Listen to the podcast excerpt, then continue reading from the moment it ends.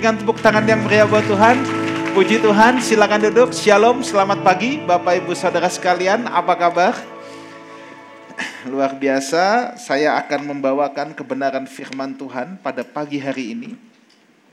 Dalam satu bulan terakhir ini, kita banyak, uh, saya dengar di komsel-komsel juga membagikan tentang apa yang namanya blueprint tapi baiklah izinkan saya, saya akan membawa dalam perspektif yang lebih luas lagi. Tapi kalau saudara senang dengan judul khotbah, saya masih akan bicara tentang the truth of blueprint, eh, sebuah kebenaran tentang cetak biru, tentang apa yang Alkitab katakan.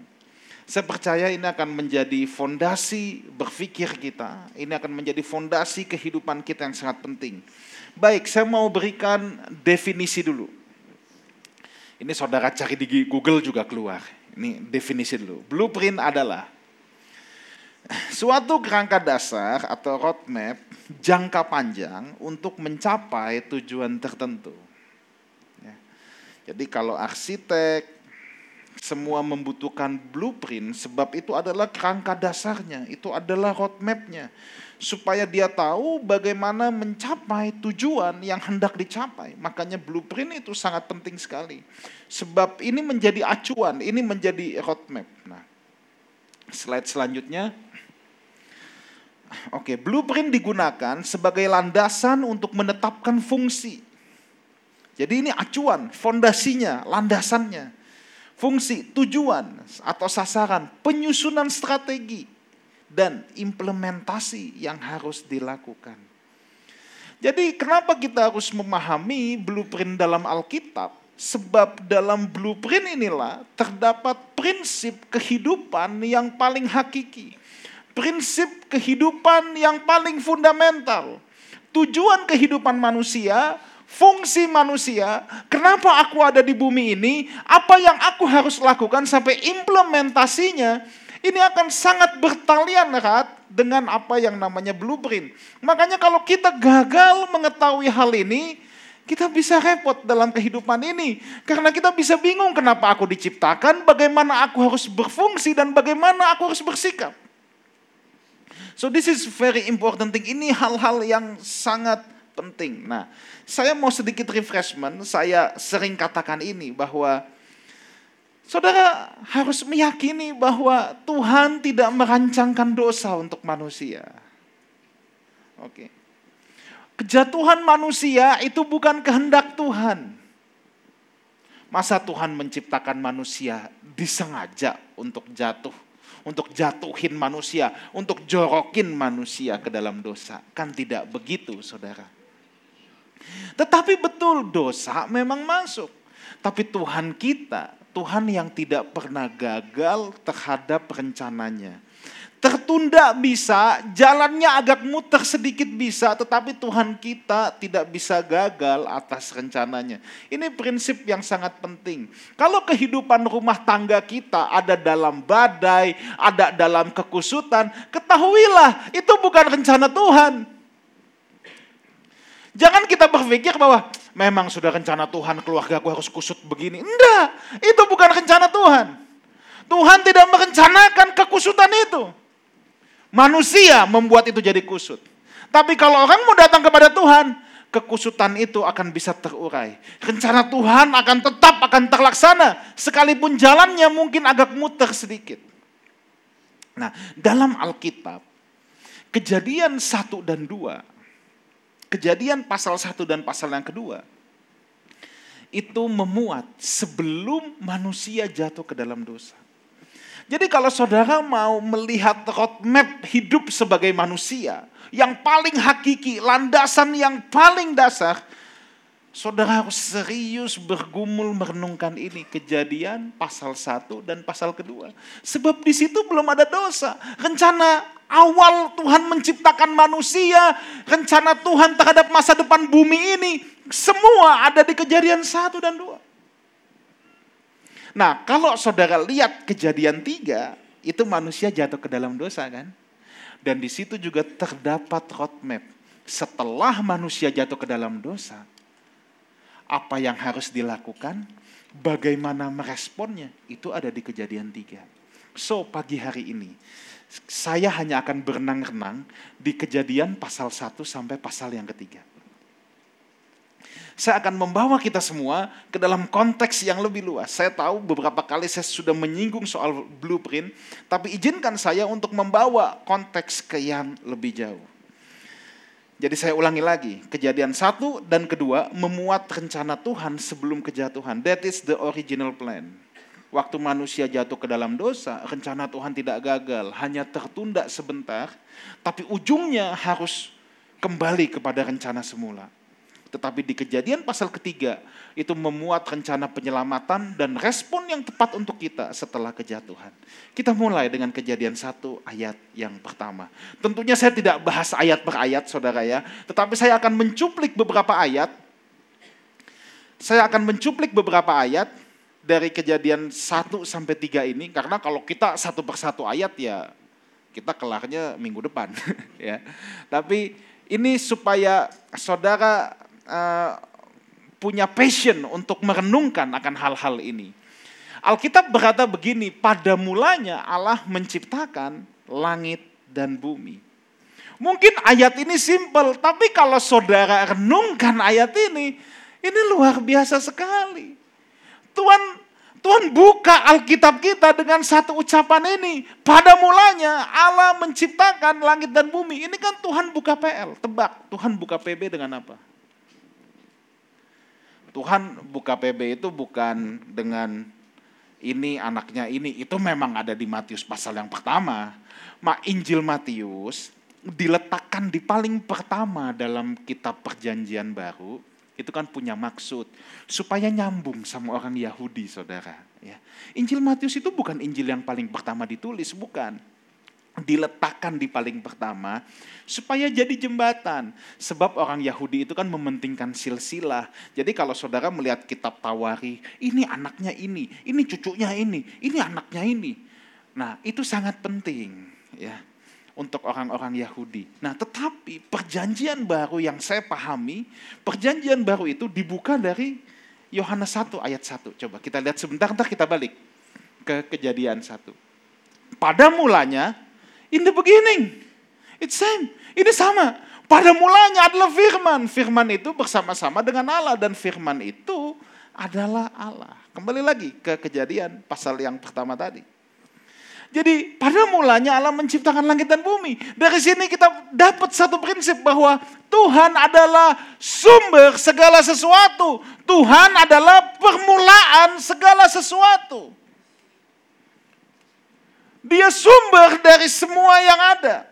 Aplikasi paling praktis dalam hidup kita adalah pertanyaan saya. Ketika kita memulai kehidupan ini, ketika kita bangun di pagi hari, apa yang paling pertama kita pikirkan? Apa yang paling pertama kita kerjakan? Siapa yang paling pertama kita ajak bicara? Kalau kita memahami Tuhan adalah sumber segala sesuatu, kita tahu dari melek mata di pagi hari, siapa yang seharusnya kita ajak bicara, siapa yang seharusnya kita pikirkan. Kalau saudara mempercaya Tuhan adalah sumber, saudara akan mencari Tuhan di detik pertama setiap saudara bangun pagi. Maka saya katakan, the blueprint ini memuat sebuah prinsip kehidupan yang paling hakiki. Tadi kalau kita ke Injil Yohanes, pada mulanya firman. Oh ya firman yang menjadi daging, itulah Yesus. Makanya selalu saya katakan, sikap kita terhadap firman adalah sikap kita terhadap Tuhan. Kalau orang tidak haus akan firman Tuhan, pasti tidak haus akan Tuhan hidupnya.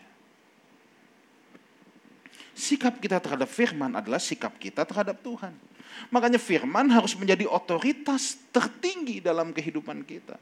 Sebab itulah permulaan segala sesuatu. Otoritas tertinggi dalam kehidupan kita itu bukan maunya kita, bukan kehendak kita, bukan apa yang kita pikirkan. Tapi otoritas tertinggi dalam dalam kehidupan kita harusnya firman Tuhan. Tapi kalau orang tidak mengenal firman, bagaimana dia bisa tahu apa yang menjadi otoritas tertinggi dalam hidupnya? Tahu aja enggak. That's why ini memuat prinsip kehidupan yang sangat fundamental. Yang saudara, yang kita harus pahami. Ayat yang keempat. Saya akan mencelok-mencelok saudara ya. Tetapi semua dalam koridor ini. Nanti kita akan ending di kejadian tiga. Allah melihat bahwa terang itu baik, lalu dipisahkannya terang itu dari gelap. Gelap adalah sebuah kondisi tidak adanya terang. Sejak semula Tuhan berikan prinsip ini, terang harus berpisah dengan gelap. Terang otomatis, terang ada, kegelapan pergi. Siapa yang masih hidup dalam kegelapan? Jawabannya sederhana, terang belum ada dalam hidupmu. Gitu aja kan, terang ada, gelap pasti pergi. Ruangan ini boleh gelap gulita, begitu ada satu lampu yang dinyalakan, begitu ada terang datang, gelap itu nggak usah diusir, gelap otomatis akan pergi sendiri. Ini prinsip. Dari sini kita juga bisa mengerti bahwa terang itu selalu transparan, terang itu selalu terbuka, terang itu selalu Nggak ada yang perlu disembunyikan. Hanya orang yang hidup dalam kegelapan, yang selalu mau ngumpet-ngumpet, yang selalu mau menyembunyikan sesuatu. Orang yang hidup dalam terang, nggak takut diekspos. Orang yang hidup dalam terang, nggak takut kelihatan semuanya. Para suami, siapa yang takut kalau handphonemu dilihat istrimu?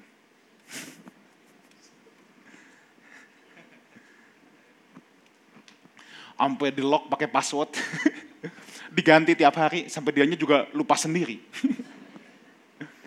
hey, Alkitab telah menyodorkan semua prinsip. Cuman kita nggak paham aja. Kalau ada yang dirahasiakan, takut pasanganmu ketahuan, sorry ya, itu kegelapan. Kita nggak perlu berpikir yang ribet-ribet ini salah atau benar. Segala sesuatu yang kita hanya mau lakukan di tempat tersembunyi, nggak mau pasangan hidup kita tahu, udah saya pastikan itu kegelapan. Nggak usah dipikir panjang-panjang dengan aspek etika, aspek teologis, nggak usah gitu-gitu. Langsung dengan cepat kita tahu. Kalau kita takut ketahuan, kita mau ngumpet-ngumpet, That's the sign of darkness. Itu tanda dari ke, dari kegelapan. Aku buat ini salah nggak ya? Yang tanyakan aja kalau pasangan hidupmu tahu gimana? Nggak ada masalah. Ya udah, terang berarti. Kalau ketakutan, itu gelap. Simple. Maka saya katakan, kalau kita memahami the blueprint ini, kita sebenarnya bisa kan jauh lebih mudah memahami kehidupan ini. Blueprint tadi kan dalam definisi juga kita tahu bagaimana kita harus bersikap. Sebab ini menjadi acuan implementasi dalam kehidupan kita. Lalu Yesus berkata, "Kamu adalah terang dunia." Terang itu harusnya jadi identitas buat kita. Yesus tidak katakan menjadi terang, enggak, kamu adalah, ya kan? Bukan jadi kamu harus menjadi terang bukan, tapi kamu adalah terang. Nah kalau hidup kita setiap hari, kita biasakan dalam terang. Lama-lama terang itu akan menjadi identitas dalam hidup kita. Dan itu yang seharusnya diharapkan dalam kehidupan orang percaya. Ya. Kejadian 1 ayat 26 sampai 28 sekarang. Nah, ini yang sering sekali kita baca. Kita refreshment, ya. Lalu setelah 2628 kita baca kejadian 2 ayat 7. Oke, berfirmanlah Allah, baiklah kita menjadikan manusia menurut gambar dan rupa kita. Supaya mereka berkuasa atas ikan-ikan di laut dan burung-burung di udara dan atas ternak dan atas seluruh bumi dan atas segala binatang melata yang merayap di bumi. Stop dulu. Dari sini saudara tahu siapa identitas saudara bahwa saudara diciptakan menurut gambar dan rupa Tuhan. Dalam blueprint ini aja saudara akan tahu siapa dirimu. Jadi jangan ada yang merasa aku nggak berharga, aku hanya seonggok daging yang tidak berguna. Enggak. Yang paling mengenal diri kita adalah pencipta kita. Dan pencipta kita sudah berkata bahwa kamu diciptakan segambar dan serupa dengan Tuhan. Jadi jangan ada lagi yang ke kaca dan berkata, Gua nggak suka sama muka gua sendiri. Ini jerawat kenapa gede banget nongol. Ini mata kenapa sipit. Ini hidung kenapa pesek. Dan lain sebagainya.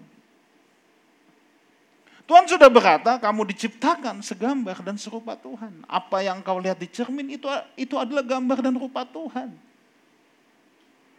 Tuhan yang kasih label itu, saudara. Di retret kemarin saya tanya, ini namanya apa? Ini namanya apa? iPad. Kenapa saudara bilang ini iPad? Karena begitu Apple mengeluarkan ini, Apple kasih nama ini iPad. Saudara nggak bisa mengganti nama ini. Gua nggak suka tuh sama nama iPad. Gua ganti lah jadi iPad, misalnya gitu ya. Nggak bisa. Saudara kagak bisa ganti. Itu jadi kotak. Jadi kotak berat aja deh. Nggak bisa. Saudara boleh ngatain ini apa pun, ini tidak akan berubah identitasnya. Ini tetap iPad. Sebab penciptanya kasih nama ini iPad. That's how God give you identity. Begitulah Tuhan memberikan saudara sebuah identitas. Bahwa saudara adalah gambar dan rupa Tuhan. Itu tidak bisa diganti. Manusia tidak bisa ganti itu. Kalau ada orang yang bilang ke telinga saudara, yang membuat saudara merasa tidak berharga, ingatlah, dengarkan apa yang Tuhan katakan tentang dirimu. Bukan apa yang orang katakan tentang dirimu. Dari sini juga ayat yang ke-27 kita teruskan dulu. Maka Allah menciptakan manusia itu menurut gambarnya, menurut gambar Allah diciptakannya dia. Laki-laki dan perempuan diciptakannya dia. Tuhan sudah kasih dua gender di sini, laki-laki dan perempuan. Jangan ditambah-tambah. Saya cerita kemarin, saya baru pulang dari Australia. Dunia ini edan banget sekarang di Australia sekarang sedang dimasukkan ke parlemen untuk dicoba untuk disahkan. Saudara tahu apa yang mau disahkan? Kalau ini sampai gol berhasil di Australia, maka semua bayi yang lahir di sana tidak boleh dikasih gender. Papa mamanya hanya boleh kasih nama doang. Misalnya begitu lahir dikasih nama Andi, ya udah. Tapi tidak boleh tulis gendernya laki-laki atau perempuan. Loh iya.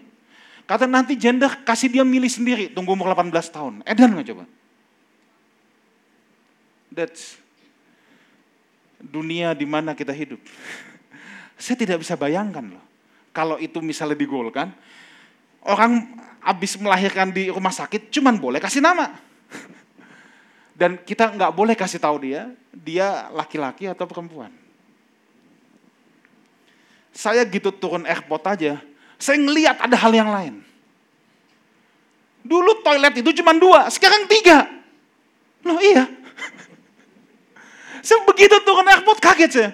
Di toilet itu male, female, ada yang tengah, all gender. Loh.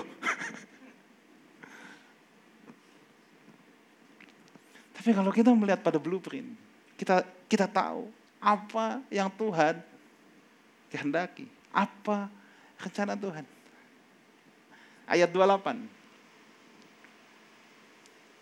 Allah memberkati mereka. Nah ini yang sering saya katakan.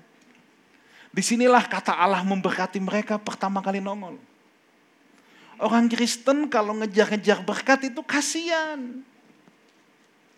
Sebab apa? Berkat itu inisiatifnya Tuhan. Tanpa diminta. Tetapi kan Allah memberkati mereka. Lalu Allah berfirman kepada mereka, ya. Nah, beranak cuculah dan bertambah banyak. Nah, saya saya tidak mengerti kenapa bahasa Indonesia menggunakan kata beranak cucu. Tapi dalam bahasa asli, parah itu kalau diterjemahkan itu bisa fruitful. Be fruitful. Makanya dalam bahasa Inggris juga digunakan kata be fruitful Nah, saya tidak mengerti apa pertimbangan LAI diganti ini dalam konteks beranak pinak, saudara. Ya. Enggak, enggak. Tapi kalau dalam bahasa asli ini adalah be fruitful. Punya kehidupan yang berbuah. Ini bukan soal beranak pinak. Nah, tapi intinya Tuhan kasih tugas untuk manusia.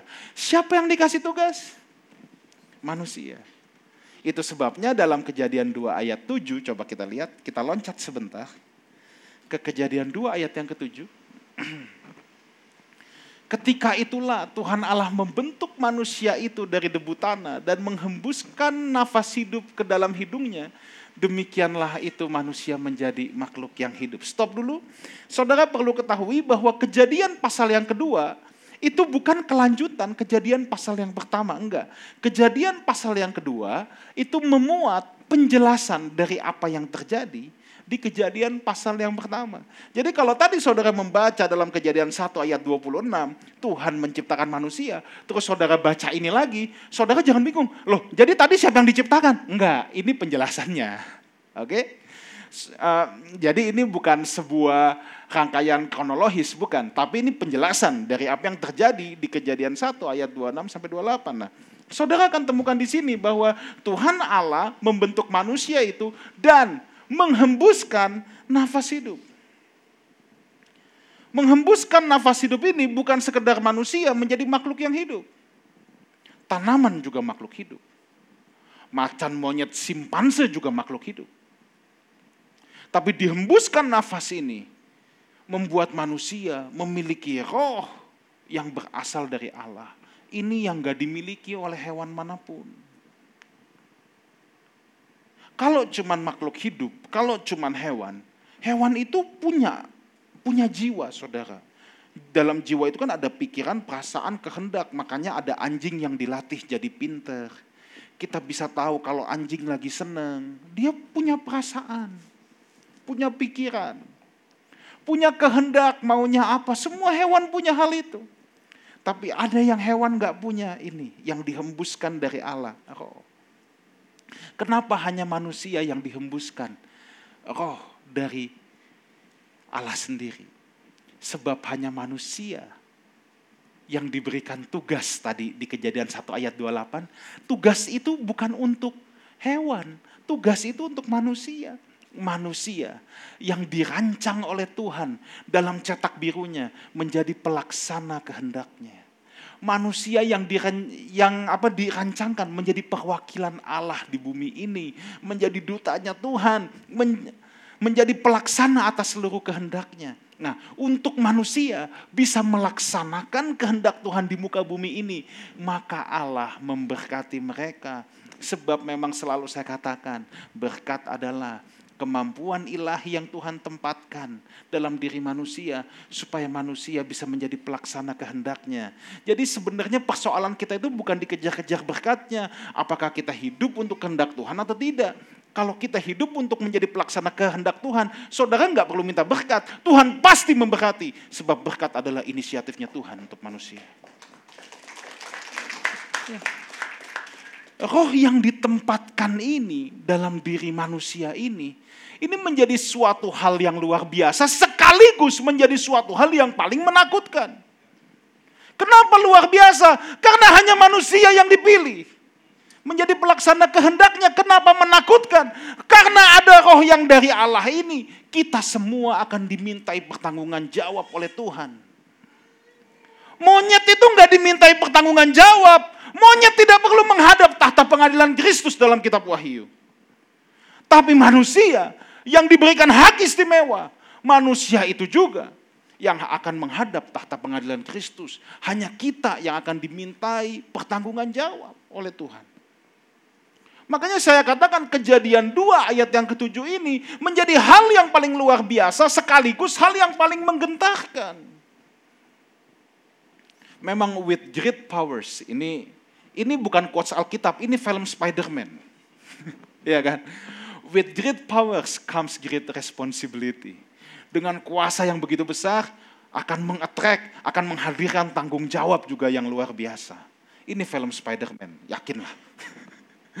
Tapi pas saya nonton tuh, bener juga. Memang luar biasa, tapi tanggung jawabnya juga jadi nggak enteng, saudara. Nah, kita lanjut, kejadian 2 ayat 15. Saya ambil cuplikan-cuplikan ya. Nah, saudara akan menemukan sekarang Tuhan Allah mengambil manusia itu dan menempatkannya dalam Taman Eden untuk mengusahakan dan memelihara taman itu. Mengusahakan di sini avoda, to serve. Di situlah kata service. Jadi kita tahu bekerja itu bukan kutukan. Bekerja itu bukan karena manusia jatuh dalam dosa, manusia jadi harus bekerja. Enggak, bekerja itu dirancang sama Tuhan sejak manusia belum jatuh ke dalam dosa. Justru manusia yang tidak mau bekerja itu sakit. Ada yang sakit dengan jiwanya. Ada yang sakit dengan pikirannya kalau sampai manusia nggak mau bekerja. Bekerja itu bukan kutukan, itu rencana Tuhan semula memang suruh bekerja. Bahkan tadi saya katakan, kata mengusahakan di sini, avoda, to serve. Kenapa ibadah minggu dalam bahasa Inggris disebut Sunday service? Loh kok service? Karena memang saudara, bekerja itu dari kata avodah itu kalau dalam bahasa Indonesia jadi ibadah. Memang kerja itu juga ibadah kita. Jadi ibadahnya Adam zaman dulu itu ya bekerja, saudara. Tetapi manusia yang manusia yang jatuh ke dalam dosa mengganti makna kerja kan. Kerja bukan lagi jadi ibadah kerja digantikan menjadi alat untuk menguasai orang lain, alat untuk mengumpulkan kekayaan hanya untuk bagi dirinya sendiri, alat untuk memuaskan dagingnya, itu kan semua produk manusia yang jatuh dalam dosa. Makanya manusia yang ditebus akan dikembalikan lagi, di reroute lagi, akan dikembalikan lagi menurut blueprintnya Tuhan. Karena cetak biru ini memang jadi acuannya. Oke. Dan di sini kita perhatikan, manusia mengambil Tuhan Allah mengambil manusia itu, menempatkannya dalam taman Eden untuk mengusahakan dan memelihara apa? Apa? Taman itu. Kenapa Alkitab tidak bicara untuk mengusahakan taman yang lain, tempat yang lain? Enggak. Tuhan suruh manusia usahakan lu taman itu. Di situ saudara bisa belajar satu prinsip memang the biggest potensial, potensi terbesar itu ada di dalam dirimu dulu. Ada di dalam lingkungan kecilmu. Ada di dalam keluarga. Ini prinsip Alkitab. Ada banyak orang sukses membangun bisnis. Sukses membangun usaha, pekerjaan, karir. Tapi gagal membangun keluarga. Tapi Tuhan bilang, usahakan dulu yang ada di sekitarmu. Harus dimulai dari apa yang ada dalam diri saudara. Ada di dalam apa yang sekitar saudara. Tuhan gak suruh Adam urusin taman yang lain, enggak. Tuhan suruh Adam, usahakan lu tuh. Taman di mana Tuhan tempatkan. Seringkali kita bermimpi yang jauh-jauh, tapi kita melalaikan apa yang paling esensi. Tapi kekristenan itu selalu punya prinsip inside out, dari dalam dulu, dari keluarga dulu, dari dirimu dulu. Jangan sibuk ngurusin yang lain-lain dulu. Keluarga kita sendiri kita nggak urusin. Padahal potensi terbesar itu ada di dalammu. Ada di dalam keluargamu. Ini prinsip Alkitab. Dalam kehidupan ini saudara akan menemukan prinsip inside out ini adalah kunci kehidupan. Makanya telur itu harus pecah dari dalam baru ada kehidupan. Kalau dari luar adanya apa? Telur mata sapi pasti. ya, memang ini berlaku paralel semuanya. Dalam Alkitab 1 Samuel 30 nanti baca di rumah. Saudara tahu apa yang membedakan Saul sama Daud? Saul pernah terjepit, Daud juga pernah terjepit. Tapi ketika Saul terjepit, yang Saul cari itu manusia. Saul cari Samuel. Oh Samuel udah mati. Oke arwahnya panggil. Loh. Daud itu saat disiklak, dia juga terjepit saudara. Istrinya ditawan, anak-anaknya ditawan, pasukannya kalah perang. Bahkan rakyatnya udah marah sama dia, rakyatnya mau melempari Daud dengan batu. Tetapi Alkitab mencatat, maka Daud menguatkan kepercayaannya kepada Tuhan. Daud tahu persis prinsip inside out ini dari dalamnya dulu.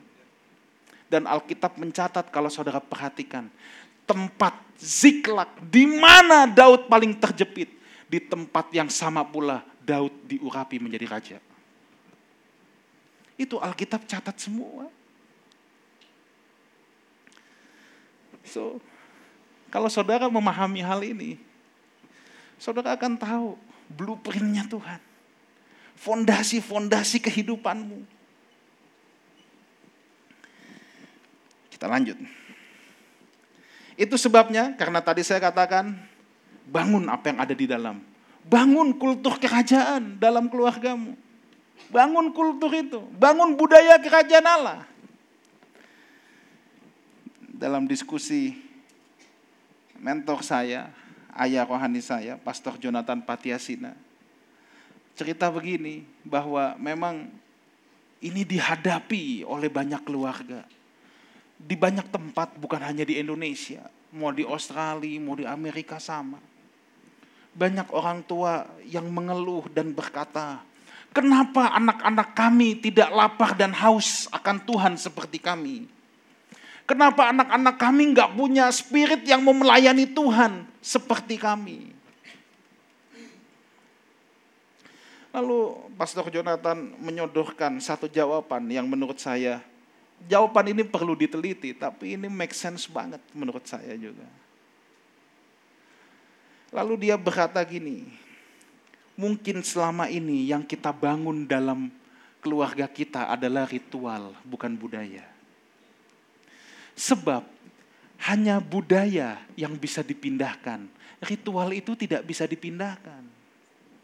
Hanya budaya yang memiliki kekuatan untuk mengubah seseorang tanpa orang itu menyadari. Itu hanya budaya. Ritual tidak punya kekuatan itu. Saya pikir nih, ya benar juga. Kita begitu sampai Singapura, kita nggak mungkin tuh buang sampah sembarangan, nggak mau ngantri. Tapi banyak orang Indonesia begitu sampai di Singapura tanpa komando bisa ikut antri, ikut tertib. Bisa nggak buang sampah sembarangan, tapi begitu turun airport Soekarno-Hatta langsung berubah lagi. Behaviornya kenapa? Sebab budaya menciptakan atmosfer. Budaya menciptakan atmosfer. Begitu orang sampai di negara-negara yang udah terbiasa tertib, ada atmosfer tertib itu, di mana kita nggak perlu dibilangin juga udah tahu. Sebab budaya itu memang punya kuasa mengubah seseorang tanpa orang itu menyadari. Itu kekuatan budaya. Nah sekarang kekristenan model apa yang kita bangun dalam keluarga kita? Apakah kekristenan menjadi budaya dalam keluarga kita? Atau jangan-jangan hanya ritual? Kalau kekristenan hanya menjadi ritual buat kita, tapi kita tidak hidupi setiap harinya, ini yang jadi persoalan. Ini nggak akan berpindah kepada anak-anak kita. Kecuali kekristenan itu menjadi budaya budaya itu kan sebuah praktek bersama yang dihidupi setiap hari. Praktek bersama yang sampai menjadi gaya hidup. Gaya hidup adalah sesuatu yang kita lakukan tanpa kita berpikir lagi. Itu gaya hidup. Gaya hidup yang dilakukan secara bersama itu akan menjadi budaya. Budaya akan menciptakan atmosfer. Apakah gaya hidup kerajaan itu menjadi budaya? Karena ada satu prinsip gini, anak-anak memang tidak selalu mendengarkan kita. Dia tidak akan selalu mendengarkan kita. Tapi anak-anak pasti meniru kita. Kenapa anak-anak pasti meniru kita? Karena manusia diciptakan menurut gambar. Manusia itu makhluk gambar. Dia akan meniru apa yang dia lihat. Halo? That's why. Saudara bisa lihat the power of blueprint. Semua ada loh dalam Alkitab loh. Manusia itu makhluk gambar. Dia akan meniru apa yang dia lihat. Makanya anak-anak memang tidak selalu akan mendengarkan kita, tapi dia pasti meniru kita. Itu udah pasti. Kondisi anak-anak di lingkungan pergaulan, ketika saudara masukkan sekolah, tiba-tiba misalnya gurunya komplain, ini kok anaknya susah diatur, kemungkinan besar itu hanya potret kecil dari apa yang terjadi keseharian di rumahnya. Tuh. Ya atau ya? Ya. Kita teruskan, kejadian 2 ayat 18. Saya agak cepat dikit ya. Kejadian 2 ayat, ayat 18. Tuhan Allah berfirman, tidak baik kalau manusia seorang diri saja. Aku akan menjadikan penolong baginya yang sepadan dengan dia. Saya sering uh, mencuplik ayat ini juga. Ini ayat paling banyak kita temukan di undangan kawin kan? Undangan kawin itu cuma dua ayat biasanya. Kalau enggak ini pengkhotbah tiga ayat sebelas segala sesuatu indah pada waktunya. Tapi ketahuilah dua-duanya ayat ini bukan soal kawin mengawinkan, percayalah. Enggak ada urusan ini sama kawin. Tidak baik, it's not good for men to be alone. Tidak baik manusia seorang diri saja. Isu di sini bukan soal kawin, tapi alone. Sebab alone itu all in one. Dia pikir dia bisa sendiri semua. Enggak, ayat ini nih sebenarnya ayat bahwa manusia itu memang membutuhkan manusia yang lain. Gaya hidup komunal, gaya hidup komunitas memang adanya tuh di sini. Makanya Tuhan katakan tidak baik manusia seorang diri. Bukan it's not good for man to be single. Gak ada yang salah dengan single. Single itu justru, single itu utuh, whole, undivided, tidak terbagi. Justru manusia harus menjadi utuh dulu. Nah, kemarin yang ikut retret, coba ditampilkan gambar gelas dari Pak Julianto. Saya pinjam gambar ini dulu ya. Saya sering mengungkapkan ayat ini. Tapi karena manusia makhluk gambar, memang kalau ada gambarnya itu lebih nyantol biasanya ya. Ini kalau saudara yang ikut retret kemarin pasti ngerti sama gambar ini. Alkitab berkata, it's not good for a man to be alone, bukan to be single. Makanya dalam sesi konseling pranika, selalu saya jelaskan tentang being a single ini, menjadi utuh. Sebab memang benar banyak orang masuk ke dalam pernikahan dalam keadaan gelasnya retak. Kalau yang sudah ter, yang sudah retak terlanjur menikah, ya udah masih bisa diperbaiki. Tapi di sini yang belum menikah, kita harus pastikan gelas kita utuh. Anda jangan mengharapkan pasanganmu nanti yang menambal, enggak. Sebab memang blueprintnya Tuhan is not good for a man to be alone, bukan to be single. Kita semua harus single dulu. Kalau kita nggak utuh, kita masuk dalam pernikahan, itu banyak bencananya nanti. Ya saya tahu Tuhan sanggup memulihkan dan pasti sanggup sebab rencananya kan harus terlaksana. Tapi kita jadi jalannya muter-muter saudara. Makanya kalau ada orang tanya sama saya, Pastor, menikah beda agama boleh atau enggak? Saya kasih tahu ya, ini ini pertanyaannya yang salah. Eh, jangankan lu beda agama. Satu gereja pun nggak menjamin. Loh, iya kan? Kalau orang tahu blueprint akan tahu akan hal ini. Bukan soal agamanya beda, satu gereja sekalian. Juga belum tentu. Syarat menikah itu bukan satu agama, bukan. Itu mah syarat pemerintahan. Are you single? Itu pertanyaannya, apakah saudara utuh? Itu pertanyaannya. Kalau Anda masih ketak-ketak, lebih baik jangan nikah dulu. Untuk yang belum nikah. Lebih baik jangan nikah dulu. Ini ini prinsip Alkitab. Dua orang yang gelasnya bocor, dua orang yang gelasnya ketak ketemu, ya udah deh. Jadi perang dunia terus, jadi banyak dramanya. Nah sinetron-sinetron berisi adalah pertemuan gelas-gelas yang pecah. Kan mesti ada konfliknya. Banyak. Tapi kalau saudara utuh, nih saya gambarkan gini. Aku akan menjadikan penolong yang sepadan. Ini nih prinsip nih, prinsip. Kalau saya katakan gitu, mungkin saudara tanya, ya kalau gitu kenapa saya harus menikah nih? Ini prinsip kekristenan. Menikah tuh gini, saya bisa angkat mimbar ini sendirian. Tapi kalau ada penolong, saya akan lebih enak. Itu aja prinsipnya. Tapi bukannya berarti kalau saya sendiri, saya tidak bisa. Kalau saya boleh pinjam ulangan 32 ayat yang ke-10, saya pinjam, saya keluarkan sedikit dari konteksnya. Ini menurut saya gambaran yang bagus. Menurut saya pernikahan adalah sinergi. Sinergi itu apa? Satu orang mengalahkan seribu, dua orang mengalahkan sepuluh ribu. Itu sinergi. Pernikahan tuh begitu. Dan ini ha hanya akan terjadi kalau pribadinya dua-duanya utuh. Jadi pernikahan itu sebuah sinergi. Jangan satu orang seribu sejak menikah jadi lima ratus kita berdua. Kebanyakan konflik yang gak perlu. Harusnya satu orang seribu, dua orang jadi sepuluh ribu. Itu sinergi dalam pernikahan. Jus yang enak hanya bisa dihasilkan kalau diperes dari buah-buah yang enak. Kalau ada satu buahnya yang busuk, Jus itu udah gak enak lagi. Saudara bisa bikin omelet yang enak kalau telurnya semua bagus. Ada satu yang busuk, ngerusak semuanya. Dan saudara harus tahu, saudara hanya bisa mencari kepenuhan dalam Kristus. Makanya carilah dahulu kerajaan Allah, maka semuanya akan ditambahkan. Jangan cari kepenuhan dari pasanganmu. Calon pasanganmu, enggak. Saudara harus berjumpa dengan Kristus.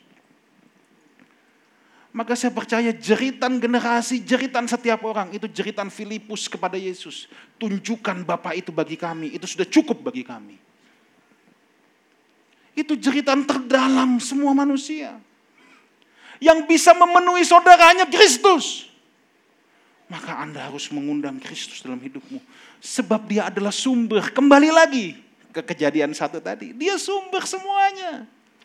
Kalau kita tidak tidak attach, tidak menempel pada sumber, kita akan kosong. Yang belum menikah, pastikan Anda harus keadaan utuh. Kristus yang bisa memenuhimu. Jangan cuma cari pasangan karena, aduh, habis kasihan dia. Loh, Anda itu bukan tim sar. tim sar tahu kan? Anda bukan on a rescue mission, bukan. Apalagi yang habis dia, aduh gentle banget. Kok tahu? Saya tiap mau masuk mobil, dibukain pintunya. Itu doorman hotel.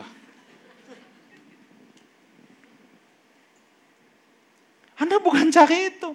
Anda harus menemukan pribadi yang utuh. Dan Anda sendiri utuh. Ketika Anda menikah, itu akan menjadi sebuah sinergi. Kalau yang udah terlanjur menikah, gelasnya eh, sedang somplak-somplak, it's okay, Tuhan bisa menyembuhkan, Tuhan bisa memulihkan.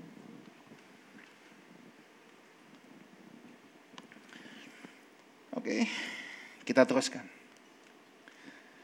Kejadian 3 ayat 9. Nah ini manusia jatuh ke dalam dosa. Ini udah 45 menit saya bicara ya. Kita masih mau perjamuan kudus. Saya kebut sedikit.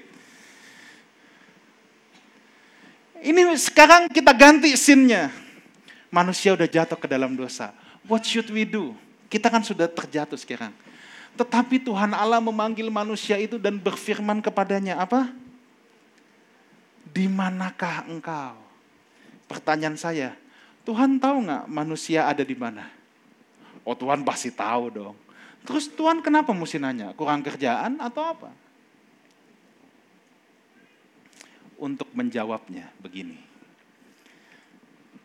Kalau ada orang mau ke rumah saudara, dia nyasar di tengah jalan.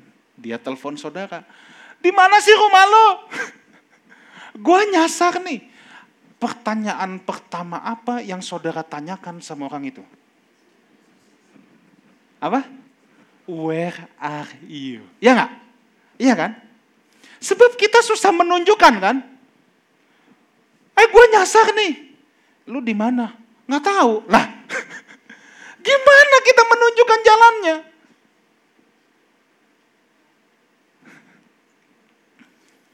At least dia harus tahu bahwa dia sedang tersesat. At least dia tahu bagaimana kondisinya. Kenapa orang Farisi, ahli Taurat di zaman Tuhan Yesus nggak pernah bisa bertobat? Sebab mereka nggak tahu bahwa mereka tersesat. Mereka nggak tahu bahwa mereka bersalah. Itu sebabnya kembali lagi ke prinsip awal. Menempel pada sumber, devotion, perenungan itu sangat penting. Ketika saudara punya waktu-waktu meditasi dengan Tuhan, Saudara baru bisa seperti Daud bertanya, lihatlah adakah jalan hidupku serong. Saudara baru bisa bertanya sama Tuhan, selidiki aku, lihat hatiku Tuhan. Sebab kadangkala kita kita tuh juga nggak tahu bahwa kita sedang tersesat. Tapi kalau kita tahu kondisi diri kita, yes aku sedang tersesat. Itu akan lebih mudah. Saudara harus merenungkan bagaimana kondisi keluargamu. Kalau saudara tahu, ya saya perlu ditolong, carilah pertolongan. Malu bertanya sesat di jalan, jangan takut cari pertolongan. Kalau harus cari konselor profesional, carilah. Saya, saya tahu tidak setiap orang memerlukannya. Tapi saudara harus jujur dengan keadaanmu sendiri. Kalau saudara perlu, katakan perlu, cari. Jangan hanya merasa ya kita baik-baik saja, kita baik-baik saja. Itu malah membuat kita susah untuk ditolong. Kejadian 11 ayat 13, ayat 11 sampai 13.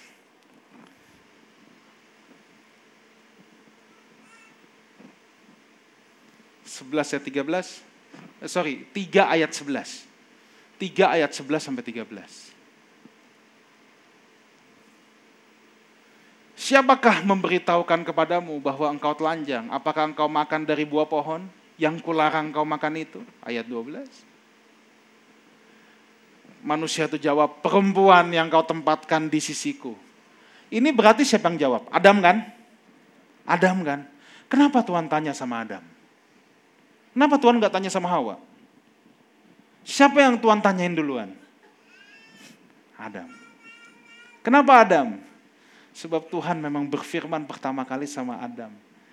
Hei bapak-bapak, kita punya tanggung jawab loh. Untuk mengajar keluarga kita. Selalu saya punya prinsip gini. Orang pertama yang harus saya muridkan. Itu bukan saudara, istri saya. Dia harus orang pertama yang saya khotbahin. Dia harus orang pertama yang saya muridkan. Tuhan tanya, nah Adam bilang, perempuan yang kau tempatkan, itulah yang berikan kepadaku. Selanjutnya, kemudian berfirmanlah Tuhan Allah kepada perempuan. Tuhan tanya sama perempuan sekarang, apa yang telah kau perbuat? Jawab perempuan itu, ular itu memperdayakan aku. Lihat, manusia itu nggak berani bertanggung jawab, melemparkan kesalahan, cari kambing hitam. Untung stop sampai di sini. Kalau diterusin, Tuhan tanya sama ular. Ular bilang, ini pohon. Tuhan tanya sama pohon, siapa yang tanam gue di sini? Loh, kok jadi salah Tuhan? Manusia mau lempar terus. Itu ciri manusia yang jatuh ke dalam dosa. Kalau salah satu ciri orang yang bisa dipulihkan adalah orang yang berani mengakui. Orang yang tahu dia tersesat, dia berani mengakui dan dia mau berubah. Itu model utama bisa dipulihkan. Terakhir ayat 15. Pemain musik maju ke depan, lalu kita masuk ke dalam perjamuan kudus. Dari awal saya katakan, rencana Allah tidak gagal, hanya tertunda. Ketika manusia jatuh ke dalam dosa, Tuhan langsung kasih solusinya. Inilah nubuatan pertama kali tentang Mesias. Inilah nubuatan pertama kali tentang penyelamatan. Inilah nubuatan pertama kali dengan akan hadirnya Yesus Kristus. Aku akan mengadakan permusuhan antara engkau dan perempuan ini antara keturunanmu dan keturunannya. Ini sedang bicara sama ular yang adalah lambang dari si iblis itu. Keturunannya akan meremukkan kepalamu dan engkau akan meremukkan tumitnya. Ini menggambarkan bagaimana Yesus dipaku di salib, tumitnya diremukkan. Tetapi kematian Kristus di atas kayu salib meremukkan kepala iblis. Rencana Allah tidak gagal, hanya tertunda. Tuhan tetap akan kembalikan kita kepada blueprintnya lagi, kepada original plan-nya lagi. Dan kalau sebentar kita akan masuk dalam perjamuan kudus, itu kita mengingat bahwa korban kematian Tuhan Yesus Kristus di atas kayu salib itu untuk membawa setiap kita untuk kembali ke dalam blueprintnya lagi, untuk kembali ke dalam rencana awal lagi.